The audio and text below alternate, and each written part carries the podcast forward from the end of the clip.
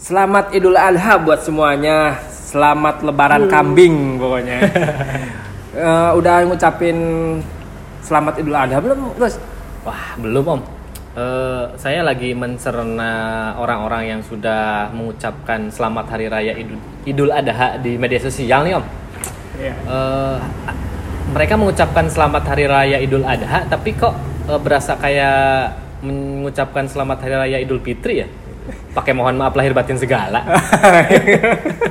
Jadi lagi nyari cara nih yang pas tuh yang mana sih? Apakah memang Idul Fitri itu sama dengan Idul Adha atau bukan? Eh, yang jelas sih Idul Adha, Idul Adha. Idul Hmm. Fitri, Idul Fitri. Oh gitu ya? Iya.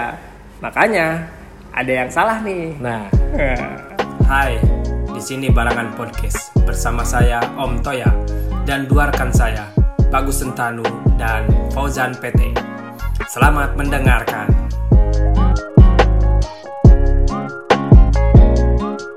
Malam ini lagi pada kumpul. Selamat Idul Adha eh, buat kita semua.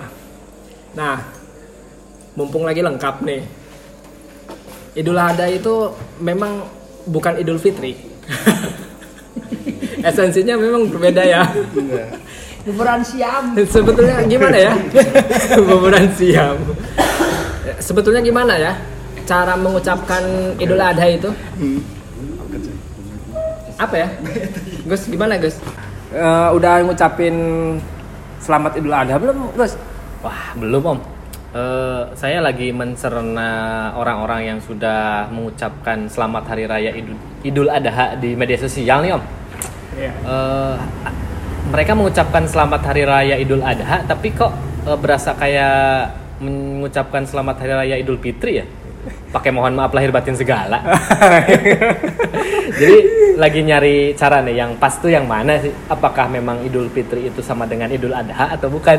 Eh, yang jelas sih Idul Adha, Idul Adha. Idul Hmm. Fitri, Idul Fitri. Oh gitu ya? Iya. Makanya ada yang salah nih. Nah, tanya ke Ami dong. Apa kira-kira? Ada yang tahu nggak? Selamat Idul Adha. Idul Adha kan ada juga di grup-grup bersebaran. Selamat Idul Adha. Minal aidin wal faizin. Mohon maaf lahir dan batin. Kan bukan begitu. Konteksnya bukan begitu ya. Betul. Harus kita luruskan. memang ya. Selamat berkurban. Memang. Memang itu baik, suatu hal yang baik, Baik. baik banget gitu. mohon maaf kepada kambing Mohon maaf pada kambing. Oh. Salah apa men? Sama kambing. kan gitu Eh, mohon maaf ke Per- kambing gitu. permisi. permisi dipencit. Jadi eh, banyak sih lihat aja di Google lah, di Google gimana cara pengucapan Selamat Idul Adha. Lebihnya pada kita apa syukuran, syukuran bahwa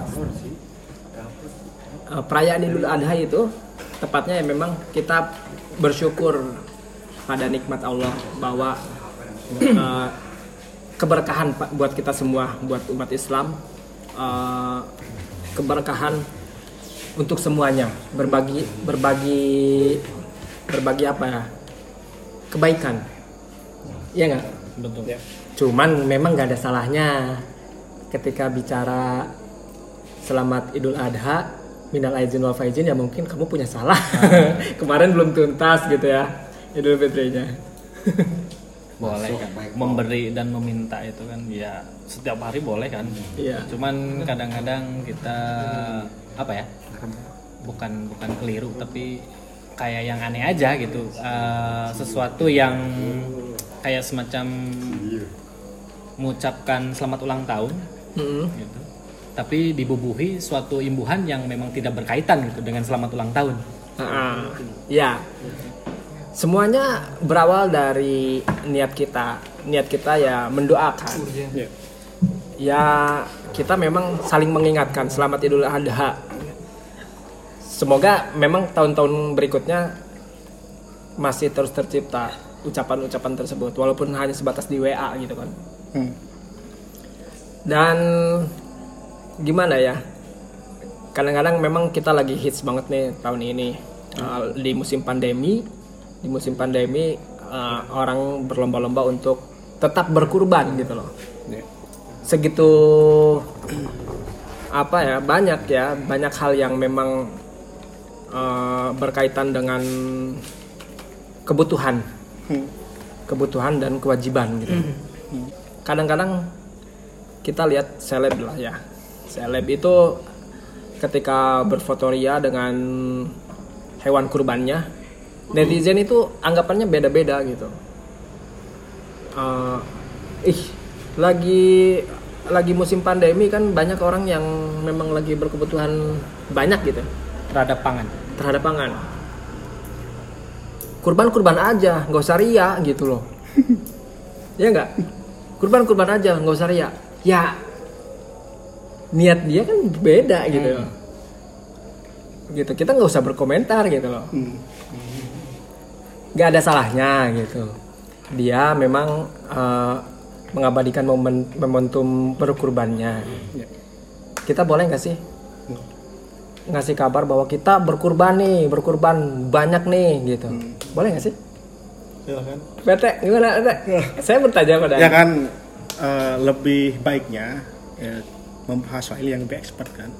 Karena memang sudah barang tentu ini yang sudah garisnya jelas kan. kan. Hah? Nah ini yang bisa cocok untuk menjawabnya kami kira-kira gitu. Enggak ini secara sikap aja secara sikap aja ya boleh sa- boleh saja sih. saya nih Artinya kan tahadus binima ini untuk menyiarkan kepada hal-hal yang kebaikan lah. eh, Walaupun konteksnya dianggapnya itu sebagai asumsinya sombong ke anta apa, tapi ini dilihatnya dilihatnya dari dia itu sudah berusaha minimal gitu. Ya tahadus binima lah gitu. saya juga eh, ibaratkan yang lain ya yang Hmm. lain kita umroh ya Betul. kita umroh Eh, berfotoria di di apa depan Ka'bah gitu Betul. wah ibadah kok ria gitu ya itu bukan bagian dari ibadah saya lagi lagi memang lagi selfie aja gitu Nah, saya bukan niat cuman untuk mungkin pamer. asumsi om ya. Ah, ah, asumsi, asumsi. ya terserah lu lah Tapi gini ya om, Yang saya sih saya, saya sih meniliknya ataupun menilainya dari segi sisi eh, bukan hanya sebatas situs agama ya.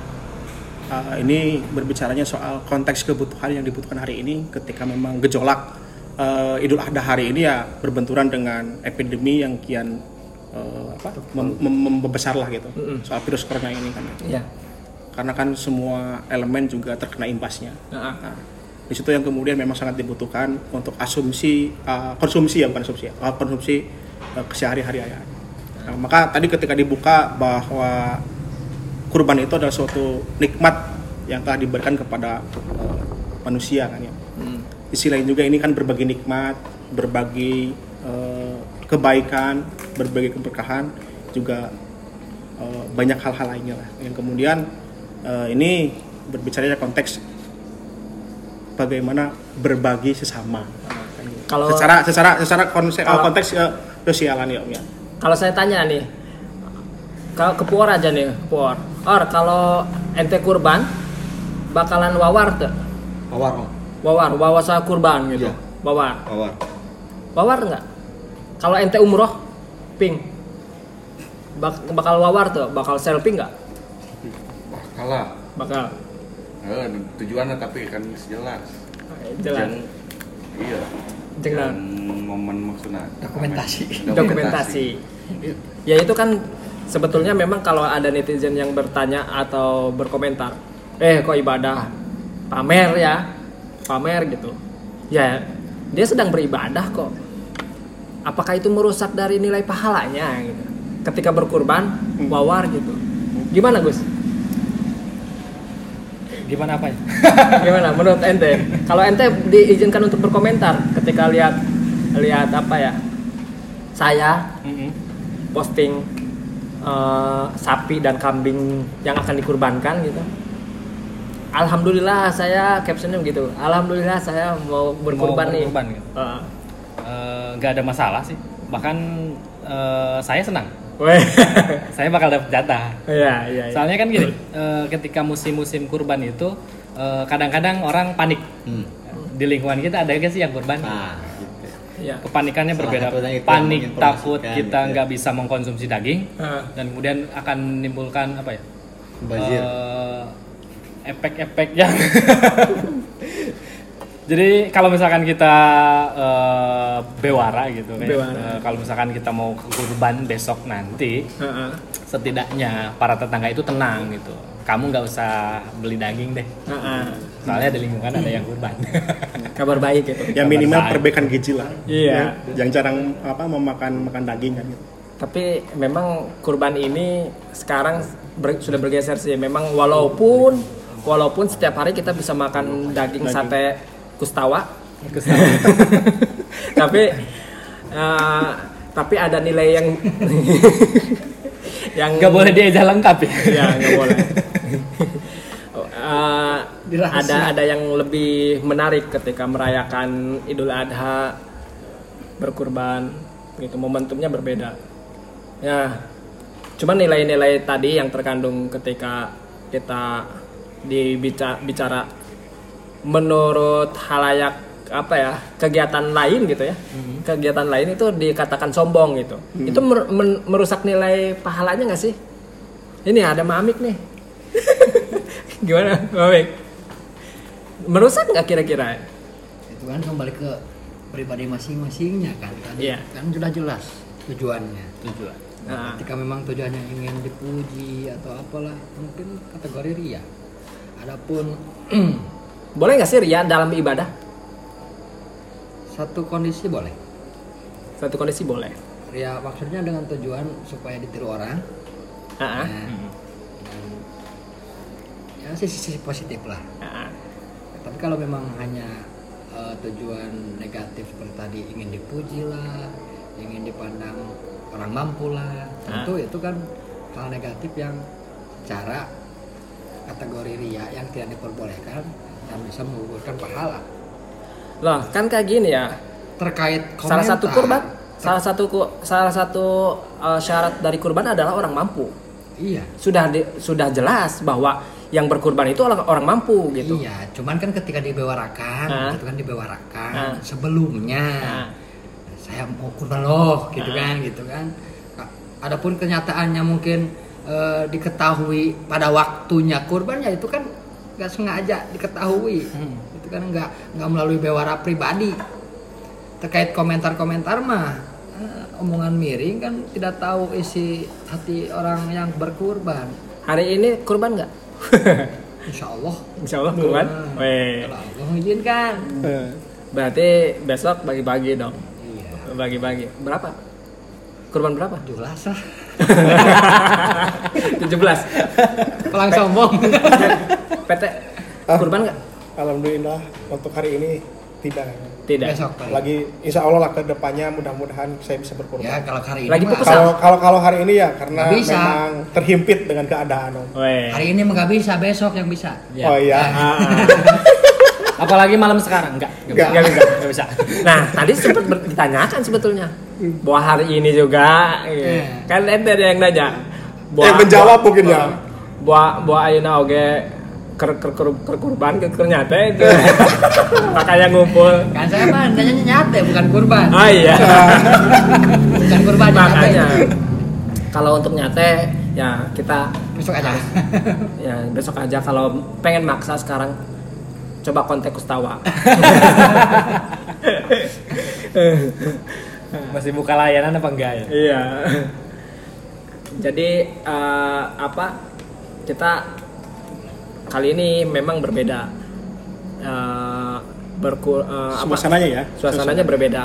Walaupun pandemi tetap eh, khidmat dari Idul Adha ini tetap ada gitu, tetap tetap terasa. Karena gitu. memang dari tahun ke tahun ini sudah menjadi kultur eh, bagi kalangan umat muslim. Iya. Ketika memang kurban ini dirasa untuk dibatasi memang ada hal yang sifatnya kurang. Eh, ataupun memang tidak seperti biasanya.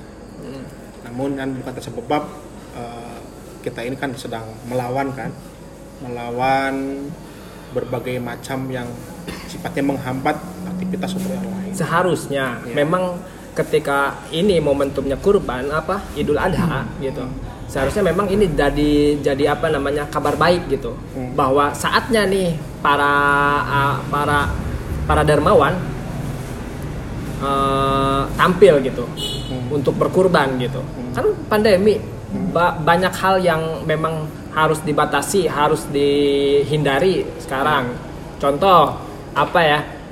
Eh, untuk tahun ini jangan nikah dulu deh, gitu. Untuk tahun ini jangan renovasi rumah dulu deh, eh, karena pandemi ya. Untuk tahun ini jangan sakit. Tahun ini jangan hamil dulu, gitu. Banyak hal ya yang memang membatasi gitu. Ya terkait apa ya dari eh, dari saudara-saudara kita yang pandemi secara nasional gitu ya ba- banyak yang terkendala juga gitu kan. Nah seharusnya ini kan jadi jadi ini jadi momentum bari buat para para dermawan gitu untuk tampil gitu.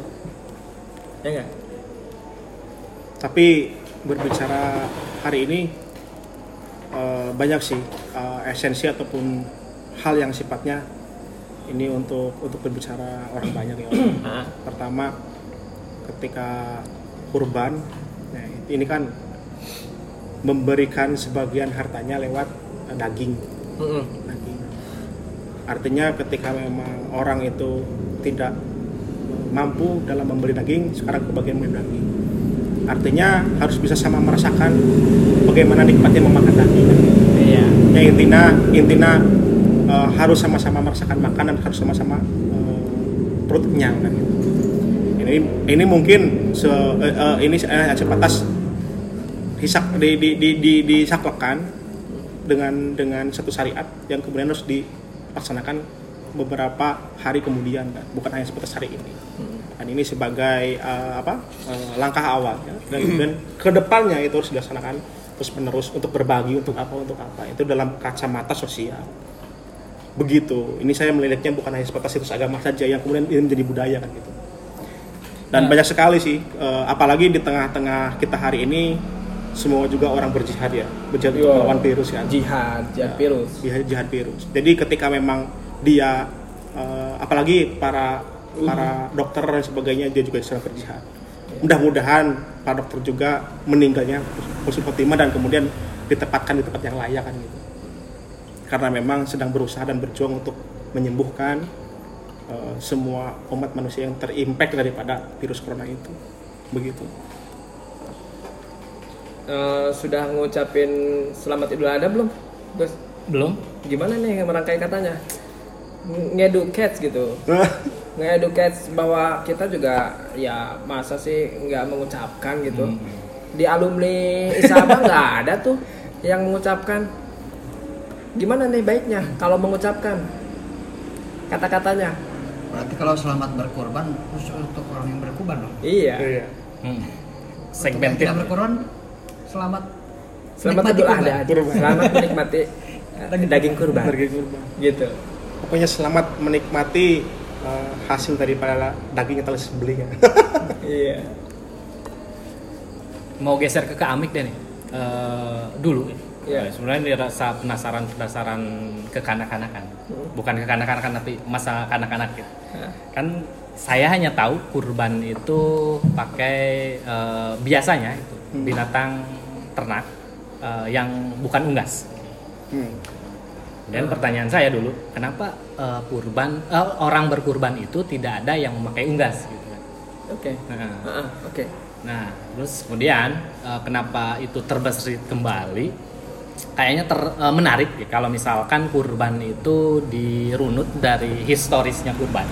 iya Soalnya baru-baru ini eh, saya baca secara secara selewat ya di media sosial eh, ada anjuran pengkonversian kurban. Jadi yang tadinya kurban memakai daging gitu, Iya. be- apa ternak, Hmm. kemudian katanya eh, kalau bisa dikonversikan ke vaksin gitu kan. Nah, oke Nah, itu kan eh, rasa penasaran dan kemudian dalam anjuran hari ini sepertinya rasa penasaran saya yang dulu kenapa tidak boleh Mau memakai di-compare, gas di-compare itu, maksudnya uh-uh, persamaan kan? uh-uh. Hmm. Komparasi. Kemudian ketika ada hadir eh, anjuran meng- apa ya meng- mengalihkan gitu. Jadi kurban itu tidak hanya dalam berbentuk pangan, pangan hewani gitu kan. Tapi ke hal yang lain. Apakah itu memang benar bisa Hmm, atau hmm, seperti hmm. apa? Intinya paham sih. intinya intinya Gini aja deh, kalau memang itu harus berbentuk pangan gitu, nggak usah jauh-jauh deh ke vaksin gitu. ya. Hmm. tapi gini ya Konversinya ke unggas saja. Nah, tapi gini ya, saya Dengan saya sih quantity banyak gitu. entah itu menjawab entah itu memang di luar jawaban tadi. Ah, Uh, esensi daripada kurban itu kan artinya dedikasi. ah, Ya secara historisnya adalah manusia yang kemudian diganti oleh hewan. Oh. Nah, artinya sisi-sisi manusia ini harus dikorbankan kan, dikorbankan baik itu tenaga untuk apa? Untuk prosesnya kemanusiaan, ah. ya kan? Nah, istilahnya kurban itu adalah dedikasi yang memang harus di- dilaksanakan kepada sesama manusia gitu dalam kacamata sosial lagi kan gitu kira-kira dalam suatu itu agama atau kebudayaan ataupun lain-lainnya silakan yang yang lebih pantas lah untuk jawab soal ini gitu Gimana? Walaupun memang kalau kalau dikomparkan sama-sama kurban ya ini kurban untuk vaksin ini kurbannya untuk hewan gitu Oke. diperuntukannya kan gitu ya Iya. tapi ya itu mangga sih yang lebih tepat yang jawab gitu Gini nggak usah jauh-jauh deh pengibaratannya, Ah. gitu konversinya. Kenapa? Kan eh, biasanya sapi itu untuk tujuh orang, ya kan?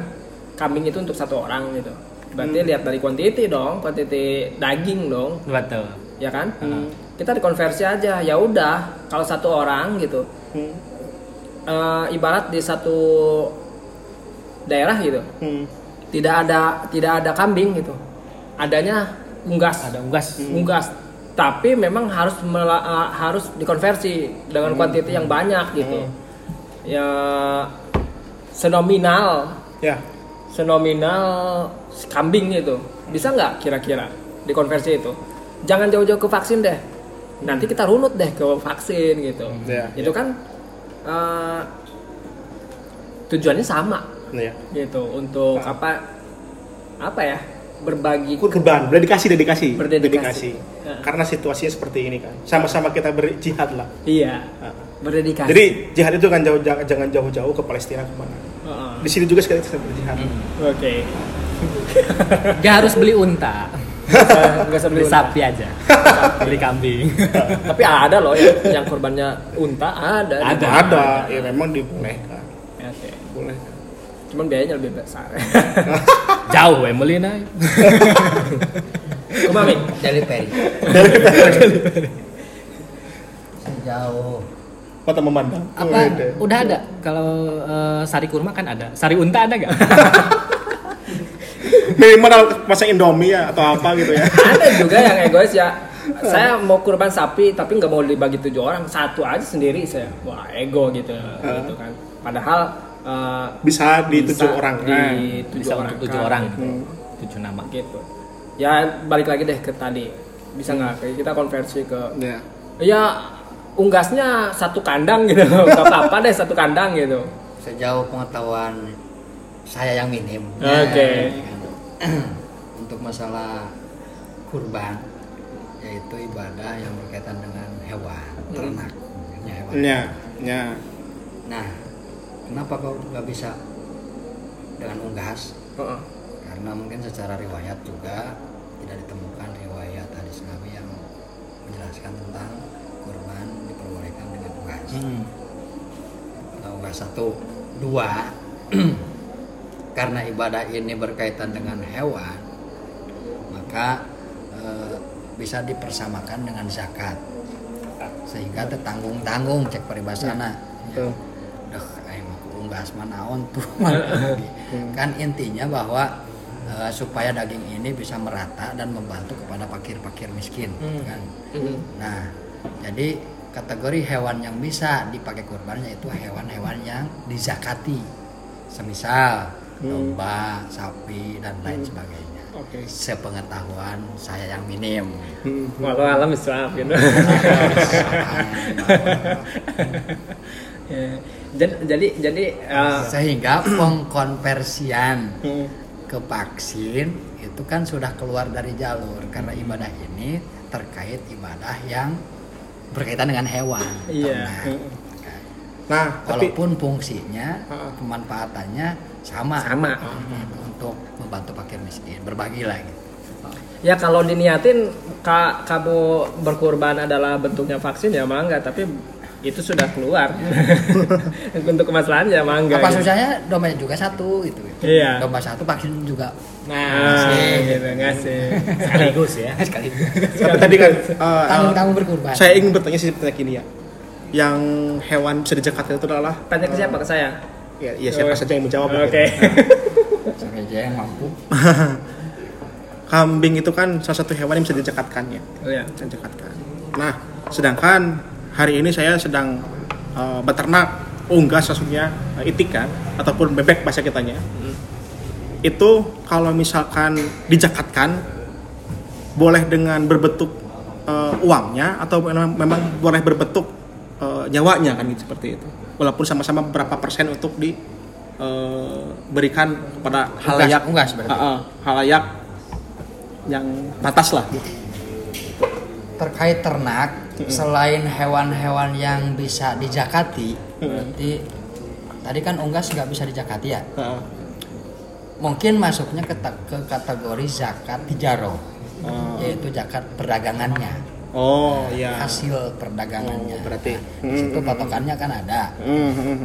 Berapa persen dan jelaslah rumusannya. Hmm. kalau kalau ternak mah kan udah ada batasannya ketika kambing udah mencapai Usia. empat- 40 ekor dijakati Oh iya. ya. Sapi Oh kategori, ekor. kategori harus Nah, dijakatkan. nah, Pemilik ya pemilik ya. Iya. Pemilik. ah. batasan-batasan zakat ternak mah gitu. Ya, ya, ya. Sehingga ketika diunggas tidak ada kewajiban zakat, Mm-mm. maka larinya di Hasil ya. hasil Hasil. atau dari perdagangannya tijar Ya, ya, ya, ya. zakat tijar. Saya mau bertanya nih buat teman-teman mungkin ya Ah. Hmm. terkait kondisi sekarang. Hmm. Nah, tentu kan secara histori eh, kurban ini bisa digali hikmah Ya. hikmah Hmm. hikmah tak korup Mm-mm. mendekatkan diri kepada Allah Ya. hikmah berkorban dengan apa yang kita punya Ya, ya, ya, ya, ya. nah di, di dalam kondisi seperti ini Hmm. pandemi yang berkepanjangan Betul. hikmah apa yang bisa diambil mungkin ketika mungkin kita terpaksa Hmm. turut kepada pemerintah Hmm. apakah di situ juga termasuk pengorbanan Hmm. Nah, dan lain sebagainya Oke. di di luar konteks eh, hewannya gitu. Betul. Ya paham, paham, paham. ini hikmah hikmah dari dari ibadah kurban itu eh, ketika dipersambungkan dengan kondisi, kondisi saat ini ya jadi gini kan eh, ada yang membahas mengenai soal empat matra yang per- Mata. eh, empat matra yang yang itu memang eh, beraktivitas dalam kehidupan sehari-hari Ah. khususnya oh, kalangan kalangan umat muslim. Yang pertama itu adalah soal tauhid. Yang kedua adalah soal hubungan Allah. Yang ketiga adalah hablum minan nas dan yang keempat adalah hablum alam. Nah sebelum kita menuju tauhid adalah ayo sebelum kita menuju hablum Allah alangkah lebih baiknya kan tata caranya juga supaya, supaya mengimani itu apa? Apa itu tauhid kan? Nah berarti ibadah kurban kali ini adalah berbicara konteks hubungan kita dengan Tuhan. Be- begitupun juga hubungan dengan apa namanya hubungan dengan manusia ada hablum minan nas dan hablum minan alam juga ada ketika ngomongin konteks dunia kan gitu Nah, kita tinggal kita tinggal di mana kan seperti itu. Ya, tentu banyak sekali yang memang kita petik hari ini dan kebermanfaatan. Pertama soal mendekatkan kepada kita hablum minallah dan hablum minannas. Kira seperti itu. Itu dalam kacamata eh, apa namanya Islam dan teologi pembebasan. Berarti tugas-tugas kita eh, meyakini Gusti Allah itu dan telah diberikan oleh eh, sepenggal-penggal ayatnya ya kita tentu harus eh, menyambung juga terhadap sisi-sisi hablum minannasnya. Secara, Begitu. secara detail terperincinya ketika Mm-mm. mungkin sebagian kita yang tidak mampu untuk berkurban dengan hewan. Hewan, iya, tadi. Nah, Betul. seminimal mungkin. Ya, ya, Nah, ya, semini- Bukan seminimal mungkin. Minimalnya sikap kita terhadap kondisi seperti ini kira-kira bentuk takorup kita Ya. itu apa? ya minimal memakai masker terus kemudian banyaklah Itu cara-cara kan, itu kan ya, cara-cara itu kan syariatnya, Ah, syariatnya. ah. penggambaran hikmahnya. oh iya iya iya iya iya Hikmah dari kurbannya seperti tadi mungkin salah satunya Mm-mm. kita terpaksa turut aturan pemerintah. Itu kan yang pengorbanan diri. Di mana warung kita terpaksa tutup. Padahal itu juga berkur berkorban lah gitu. ya. Dengan soal tujuan waktu soal mungkin nominal ya. secara syariat Ya. kita turut pemerintah, secara hakikat mah kita juga hmm, kewajiban dari Allah supaya bisa eh, melindungi menjaga diri dan lingkungan atau sosial dan lain sebagainya. Hmm. salah satunya seperti itu. Lebih pada ke ini sih sema, apa namanya berkurban solidaritas terhadap sesama gitu ya. Ah, jadi berkurban ini kita bersemangat untuk apa namanya ya membangun solidaritas. Di antaranya ya memang kita eh, sudah bersyukur banget gitu. Kita bisa dikasih kesehatan gitu. Dan menjaga dan menyayangi lingkungan sekitar gitu. Ya. Antara di antaranya ya memang mem- mematuhi protokol yang ada gitu kan. Anjuran-anjuran protokol dan kita mengikuti eh, apa ya syariat syariat apa kesehatan mungkin ya. Vaksin mungkin dikatakan syariat juga. Ya kan pertanyaan itu berangkat dari bagaimana kita mengedukasi sebagian kita yang mang- yang mungkin masih belum menerima keadaan. Ya. di mana keterpaksaan tersebut tidak mungkin untuk dilaksanakan merasa disulitkan atau gimana. Hmm. sehingga Tapi gini ya, walaupun oh ya, mungkin terima gak terima Hmm. toh itu yang harus dijalankan gitu kan Ya, jadi sebetulnya ketika melihat konteks hari ini itu berbagai aspek ya, bukan hanya dideterminasi soal ekonomi saja. Salah satunya ketika masyarakat ini diberhentikan soal dagang, akhirnya menyalahkan soal pemerintah. Tapi kan ini juga sisi lainnya adalah soal kesehatan juga yang kemudian harus kita perhatikan. Nah, kebanyakan orang pada umumnya eh, middle class atau low class atau high class itu semuanya karena efek yang kemudian determinasi soal ekonomi. Ter- eh, terbentur dengan masalah itu yang kemudian soal kesehatan pun abai. Nah, karena semuanya sepakat bahwa ini penyebabnya adalah soal ekonomi walaupun memang sekarang harus dipaksakan untuk PPKM. tapi apakah ada usaha dari pemerintah untuk bisa meringankan lah minimalnya Ah, ah, meringankan ah, kesulitan-kesulitan orang bagi orang-orang yang terdampak negatif kondisi saat ini atau terdampak aturan yang eh, dikeluarkan kebijakan-kebijakan yang dikeluarkan itu kan yang di- dirasa mungkin tidak diterima oleh Ya. masyarakat itu Ya, ya, ya, ya. Mungkin caranya ya, caranya. Cara. ya kita juga bagian dari berkurban juga semuanya nih Hmm. tahun ini bertepatan dengan pandemi gitu Atau Ya. mungkin begini ya, salah satunya juga edukasi bagi orang-orang tertentu yang mungkin tidak atau sedikit saja yang ter kategori terdampaknya. Semisal orang-orang yang kaya raya, orang-orang yang bergaji dari Tetap, pemerintah ya. mungkinnya. Sudah pastilah. Edukasi bagi mereka untuk juga berbagilah kepada mereka yang terdampak besar Ya. Betul, betul. harusnya harusnya ada ada ada apa sih gerakan-gerakan yang menggembor-gemborkan itu Impactnya memang, impactnya sih memang ini adalah masyarakat yang middle class yang kemudian aktivitasnya adalah berwira swasta. Beda yang konteksnya dengan eh, salah satunya misalkan PNS atau SN dan sebagainya karena sudah jelas gitu kan pemasukannya seperti apa. Tapi kan ini soal low class ini yang kemudian aktivitasnya berdagang atau berwira swasta. Hari ini kan ketika dibatasi ya kita mau makan apa gitu. Emang- Kalau misalkan tidak cukup kan gitu. emang kalau eh, di luar wira swasta Hmm. PNS atau segala macam memang tidak terdampak pandemi ini terdampak. Tapi kan ini berbicara soal eh, nilai yang kemudian konversikan jadi barang. oke Nah, gitu. oke Kira-kira. Nah, yang yang kemudian oh, yang berdagang atau atau UMKM UMKM ya bagaimana kan gitu. Begitu kira-kira Om. Sekarang akses dibatasi kan Nah, dari antara mulai- dampak besar dan kecil kan tadi Nah, iya, berusaha berdampak sama yang besi ya. berdampak besar itu kan bagi mereka-mereka yang efeknya tidak menerima kebijakan ini Iya, sulit untuk menerima betul, betul, betul, bener sih. Ya, Karena- ya, ya harus ada penetrasi kira-kira apa, terobosan apa yang kemudian diberikan kepada pemerintah untuk kalangan-kalangan itu. Selain akses membatasi itu, kira-kira apa kira-kira ya? Ya, ya, ya, paham, paham. Iya selama masa pandemi kan ini menghadirkan uh, berkurban gitu. Hmm. Itu kan kita dicontohkan dengan uh, sama apa Nabi Ibrahim juga kan satu kepatuhan yang mengandung keterpaksaan apa yang perlu dikorbankan. Kita juga Oh iya, benar. sudah sudah bisa Benar, benar, berkorban gitu. Berkorban ini kepatuhan yang terpaksa gitu. Manusia kan yang dikorbankan iya Secara manusia. hakikat Allah sedang menguji Nah, jauh iya. mana kamu? Bener, bener, bener. Sejauh mana kamu? Ini jadi banyak hikmah menarik sih bisa ketika hari dibahas ya. iya. Ah, banyak momentumnya. juga yang bisa kita hadirkan. Gitu. Eh, apa namanya?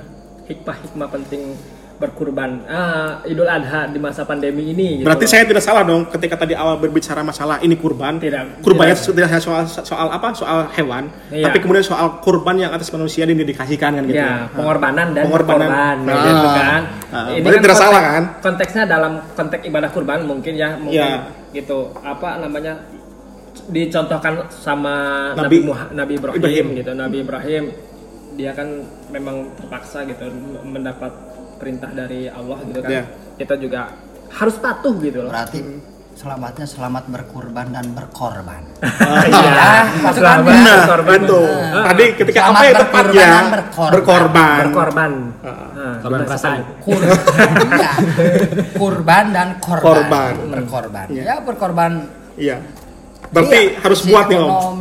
Betul. Playernya harus buat ya. Harus buat. Harus jadi kita gaungkan ya? ya memang bener sih ya puncak pandemi ini banyak eh, pengorbanan. banyak Banyak korban. pengorbanan. korban dan pengorbanan. Ya, siapa siapa tahu. aja yang menjadi korban. Besok ya banyak korban. Banyak makanya eh, pemerintah menyarankan stay at home. Jangan ke mana-mana jangan keluar. Itu juga berkorban. Iya jangan keluar. Karena takutnya panitia membawa kembali kresek dagingnya kalau nggak ada di rumah gitu. Atau mungkin kalau keluar keluar rumah eh salah sembelih. Satu beli dibawa pulang lagi tuh kresek dari panitia kurban ya mending kalau di rumah. digantung ya di pintu. Iya makanya biasanya pakai nanti besok taruh saya tulis taruh aja. Taruh aja di pintu gitu. Itu bagian dari berkurban ya kan. Berarti kan spot ini disinfektan dulu ya? Iya. Dagingnya ya jadi jadi banyak hikmahnya ya di masa pandemi ini. Betul. Eh, apalagi di momen Idul Adha sekarang ini. Iya. Iya. Soal kurban ya. Soal soal kurban. kurban. Yang perlu dicatat dan harus kita paham dan sadar sama-sama. Menurut saya memang lebih banyak eh, apa namanya kesadaran kesadaran orang-orang. Banyak yang sadar ketika Idul Adha ini tidak bisa disamakan dengan Idul Fitri yang memang eh, tahun-tahun sebelumnya kan memang harus ada istilah mudik dan segala macam gitu kan gitu kan. Padahal kan berkurban nggak usah mudik juga di sana bisa gitu loh. Atau uangnya aja dikirim ke kampung gitu. iya itu lebih efektif. kan ada panitia ya Kan panitia ada kurban. panitia kurban gitu. Wah. apa lagi? lanjut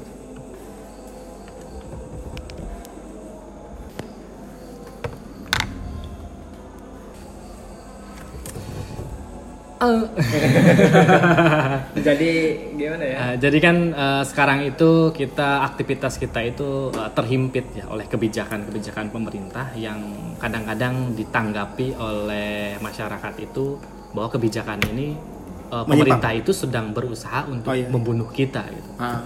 Padahal eh, pada kenyataannya ya tidak seperti itu walaupun masih banyak gitu ya celah-celah untuk dikritik gitu dari pemerintah dari tindakan-tindakan pemerintah yang memang tidak menciptakan suatu solusi yang berarti gitu untuk kondisi bagaimana keadaan masyarakat di eh, di kelas-kelas tertentu yang memang eh, terdampak secara serius gitu kan. Kita juga vaksin berarti berkurban ya? Berkurban berkorban. Berkorban. Oh, berkorban, Iya, berkorban. berkorban. Ya bisa di, di diartikan seperti itulah gitu. Karena memang kan tujuan dan manfaatnya jelas. Ya. Memberikan manfaat ya. Selain selain untuk diri kita sendiri ternyata itu mampu ya menghadirkan manfaat untuk orang lain di luar daripada diri kita gitu. segi gimana ya tanggapan memang pandemi ini tidak tidak tidak segera usai. Kita memang harus ya inilah harus berkorban gitu. Hmm, maksimal. Maksimal. Upaya upaya pemerintah kan sudah banyak ya ya kita bukan membela pemerintah Wah, juga bukan sih sepenuhnya Bukan setuju sepenuhnya. tapi pemerintah kan faktanya vaksin juga ogah-ogahan sebagian orang segitu udah digratisin Hmm. apalagi Cuman harus kan bayar apakah gitu. memang apalagi harus bayar apakah memang edukasinya kurang Heeh. atau mungkin karena memang sosialisasinya kurang sosialisasi ah kayaknya enggak lah sosialisasi mah hanya sebagian mungkin karena sudah kadung sakit hati dengan kebijakan pemerintah atau apalah gitu kan Kayaknya memang Males ada gitu. persilangan edukasi ya. Jadi ada beberapa tokoh yang memang bukan tokoh ya, be- Hoax beberapa orang eh, gitu yang yang berani mensuarakan bahwa ternyata pandemi itu hanya akal-akalan. gitu. Kemudian itu ya bagian dari edukasi juga kan, edukasi informasi yang bersilangan dengan edukasi dan informasi dari pemerintah gitu atau dari kalangan-kalangan medis yang memang benar paham betul bagaimana situasi eh, virus tersebut gitu. dan juga mungkin banyak juga informasi yang entah itu hoax juga nya mungkin ya bahwa Bener hoax Pak banyak. vaksin Banyak. ini juga berdampak negatif loh Saya heran ya, ini hoax ini manfaatnya apa ya Kak? Untuk untuk apa ya? Kita kan terlalu lama di mas pandemi ini terlalu lama ya. Karena memang bosan lah ini bosan lah ya. Kita juga merasakan jenuh yang tadinya memang belief yang percaya atau tidak eh, ketika ada hoax juga kita diragukan eh, adanya apa namanya konspirasi dan segala macam hoax-hoax seperti itu ya. Jadi terlalu lama di masa pandemi juga lambat lambat laun membosan gitu, membosan dan kita terlalu lama berdebat ya. Mm-mm. Terlalu lama berdebat, terlalu lama eh, pakai kekeh. sehingga tidak bisa kan memberikan solusi ya solusinya apa kira-kira gitu kan Solusinya apa gitu? dan juga bagi orang awam kan membingungkan mana yang benar mana yang salah kan Bahkan ada yang percaya setelah kita divaksin itu bakal ada suatu chip yang tertanam di tubuh kita, Nah. katanya gitu. Itu gimana caranya gitu kan? Cairan gitu kan masuk ke apa? Tubuh Tubuh gitu, kemudian menimbulkan sinyal. Heeh, menimbulkan berarti sinyal. berarti sekarang gini ya ini kan sama-sama mempengaruhi sama-sama mendominasi. Bagaimana kita saling menguatkan mendominasi apakah kita pro vaksin atau uh, kontra vaksin kan gitu. Sehingga semua semua masyarakat meyakini yang mana. Kuat-kuat hegemoni we ah. kuat-kuat mendominasi we gitu. Makanya pemerintah terlihat lemah sih ya. Tidak ada keputusan.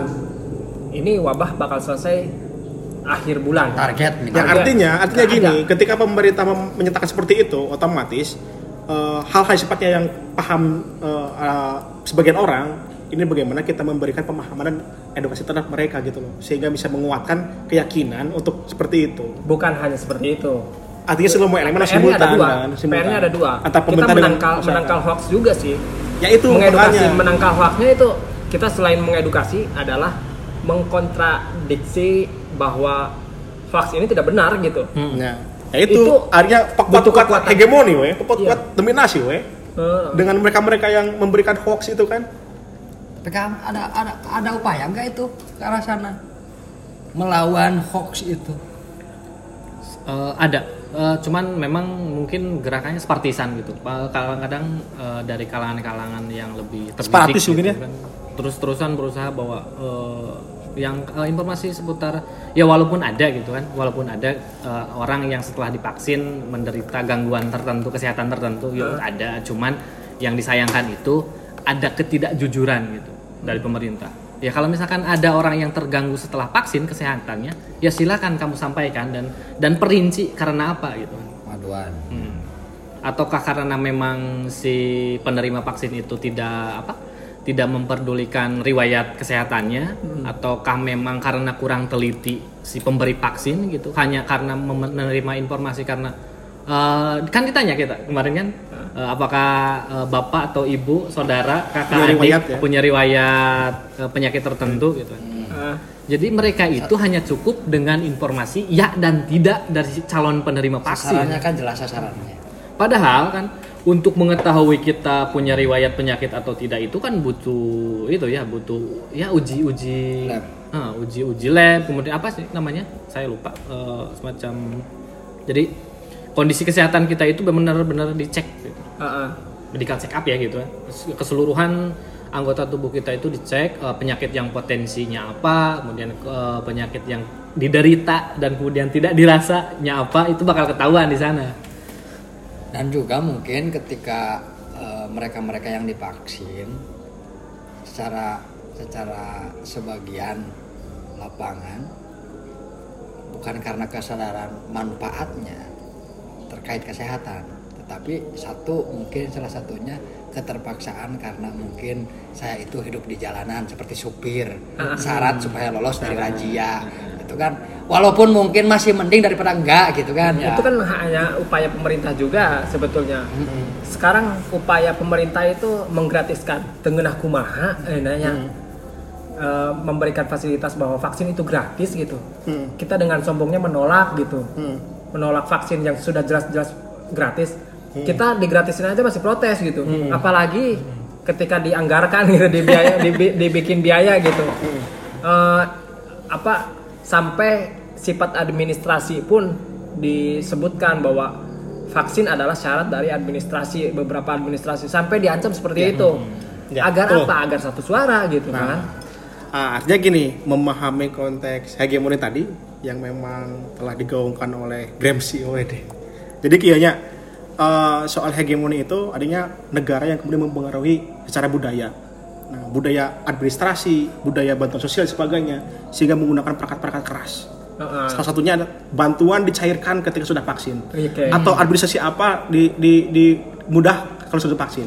itu sudah menggunakan perangkat keras gitu kan. Heeh, perangkat keras perangkat keras tapi ada sebagian orang yang kemudian tidak memahami soal itu menganggapnya jelek. Itu sebetulnya untuk mempengaruhi kan dengan cara perangkat keras tadi dengan fasilitas fasilitas- apa fasilitas fasilitas negara dan sebagainya kan gitu. Dangkal sih menurut saya Ya. ketika ada flyer bermunculan gitu. Warga kuningan dilarang posting apa? berita soal covid. Soal covid. Ternyata daerah-daerah lain pun ada gitu. Ada. Ada. Saya pikir saya yakin bahwa itu satu sumber. Satu sumber. Satu sumber, ya nggak? Motivasinya apa nih? Bahwa kita tidak boleh memposting uh, berita-berita covid. Kita hanya diam. Itu bukan solusi ya? Bukan solusi malahan memperparah gitu. Uh, diam dan celaka. eh, tidak apa tidak mementingkan selain tidak mementingkan keselamatannya sendiri tapi dia tidak memperhitungkan ada keselamatan orang yang lain yang perlu mereka jaga gitu. Iya. Tidak ada kekhawatiran tidak ada pindah kekhawatiran. alam pindah alam. Tidak ada kekhawatiran di mandian jadi jadi uh, apa ya upaya-upayanya jadi uh, ya udah kita nggak ada soalnya buntu ya. Heeh. soalnya buntu nggak ada upaya lagi untuk uh, apa menangkal anjuran pemerintah. Lebih baik kita diam. Putus asa kan Jadi yang terlihat itu malah seperti eh, negara kontra rakyat gitu, semacam jadi lawan gitu, Iya, semacam jadi lawan. Padahal kan eh, negara itu yang saya pahami gitu, sepertinya ini negara ini eh, sedang bertindak seperti orang tua gitu, dengan eh, apa sedikit ancaman atau sedikit tekanan bahwa yang tidak vaksin akan dipersulit soal administrasi dan lain segala rupa. Itu bagian dari seperti orang tua yang ketika menghadapi anak yang ngeyel nggak mau mandi gitu kan. Iya. Sok si alamun temani kayak dijurigan gitu kan. Semacam seperti itu gitu. Muntah sholat malah diberi jajan? Heeh, terus saat beri jajan. tapi perangkat keras kan pemerintahnya kan Padahal beda jelas secara halus deh. Loh gitu. Nggak mandi kan gatel gitu. iya ya. Saya juga ke anak seperti itu. Kalau nggak mandi nggak bakal diajak jalan-jalan nih. Ya jadi upayanya tuh yang semangat mandinya ibunya. Biar yang diajak biar yang diajak Ah, harus ada beberapa anjuran dari ah, ah, kita kalau menanggapi sikap anak gitu Mm-mm. ah, susah diajak susah disuruh mandi gitu. Nggak mau mandi sama bapak mah mandinya sama ibu gitu. Berarti kita juga kalau mempa nggak mempan dari tokoh pemerintah ya sum- ah, mungkin dari tokoh agama mungkin dari tokoh Nah. ah, oposisi. Atau apa segala macam saya terheran ketika ada tadi ya obrolan pagi dengan orang yang mungkin ngomong begini. Saya kepengen tahu ulama-ulama di Indonesia itu istikharah terkait covid itu benar ada atau tidak. Katanya gitu kan. Saking ragu-ragunya tentang hal ini gitu kan. Mm-mm. cek orang teh kari istikharah baik sorangan terkait kesehatan lagi jangan sorangan Nah, gitu be kudu nungguan ujur batur. ya kayak sederhananya semacam pakai masker gitu aja. Eh, eh, ada yang menertawakan misalkan ketika saya pakai masker dan kemudian lingkungan saya tidak pakai masker. Eh, eh kenaon pakai masker gitu. Padahal kan fungsi dari masker itu bukan hanya terhindar, terhindar daripada covid. Kalau misalkan covid itu tidak ada gitu ya, tapi kita bisa terhindar dari polusi-polusi yang ada di sekitar kita. Gitu. Debu, apalah. debu dari kendaraan dan segala rupa bau, tis- bau tidak sedap dari kawan yang nggak mandi kan bisa kehadang sama masker gitu kan Aman. banyak manfaatnya gitu kan dan dan itu untuk kesehatan juga gitu. jadi jangan jangan mencibit sesuatu eh, hal di apa ya untuk untuk semua hal yang besar gitu Terlalu jauh lah. Eh, terlalu jauh gitu. Yang deket-deket aja dulu dipikirin. Oke. Kecil dan berdampak juga ke yang jauh. Nah. Gitu.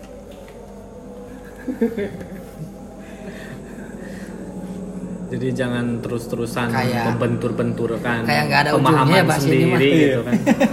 dengan dengan yang apa yang semestinya dijalankan gitu kan padahal ya apa salahnya juga vaksin gitu kan itu kan untuk kekebalan tubuh ya syukur-syukur memang penyakit ini nggak ada kan Iya. harapan besar memang bener ini penyakitnya nggak ada Setidaknya juga ketika memang eh, kekebalan tubuh itu menghindari tadi penyakit yang Hmm. kita takuti, ya minimal kan cuaca yang ekstrim juga. Nah, Gitu. Itu kan tubuh kita kan kuat. Iya. Nah, kira-kira eh, setelah imun ini, upaya pemerintah bisa kita baca nggak sih? Kapan gitu? Apakah kita harus eh, eh, besok deh dengar dengar khutbah-khutbah dari apa namanya dari tokoh-tokoh agama bahwa eh, apa sih yang digaungkan oleh oleh tokoh-tokoh agama tentang pandemi ini gitu? Adakah kemungkinan pemerintah saking putus asanya bebaskan, udah gitu. Terserah lo masyarakat. Mungkin bisa jadi. Walaupun walaupun mungkin nanti ah endingnya akhirnya pemerintah juga yang disalahkan. Iya. Kalau misalkan pemerintah kayak gitu, takutnya eh, kita atau siapa pun menjadi kanan yang hari ini. menjadi kanan hari ini gitu. Menjadi seorang anak yang tidak patuh gitu, tapi kemudian celaka gitu. Ya, alam lagi dong. Beda alam lagi. Eh, belum mengu- belum mengucapkan nih eh, selamat Idul Adha deh ya buat semuanya, buat teman-teman semua. Selamat kurban korban. selamat Berkorban. berkurban dan, dan dan berkorban. berkorban gitu. Yuk kita berkorban atau berkorban. Minimal tidak kurban ya kita berkorban lah. Iya, berkorban lah ya. Korban. Dengan sesuatu yang gila jadi gila jadi gila jadi gila. Gila jadi gila jadi gila jadi gila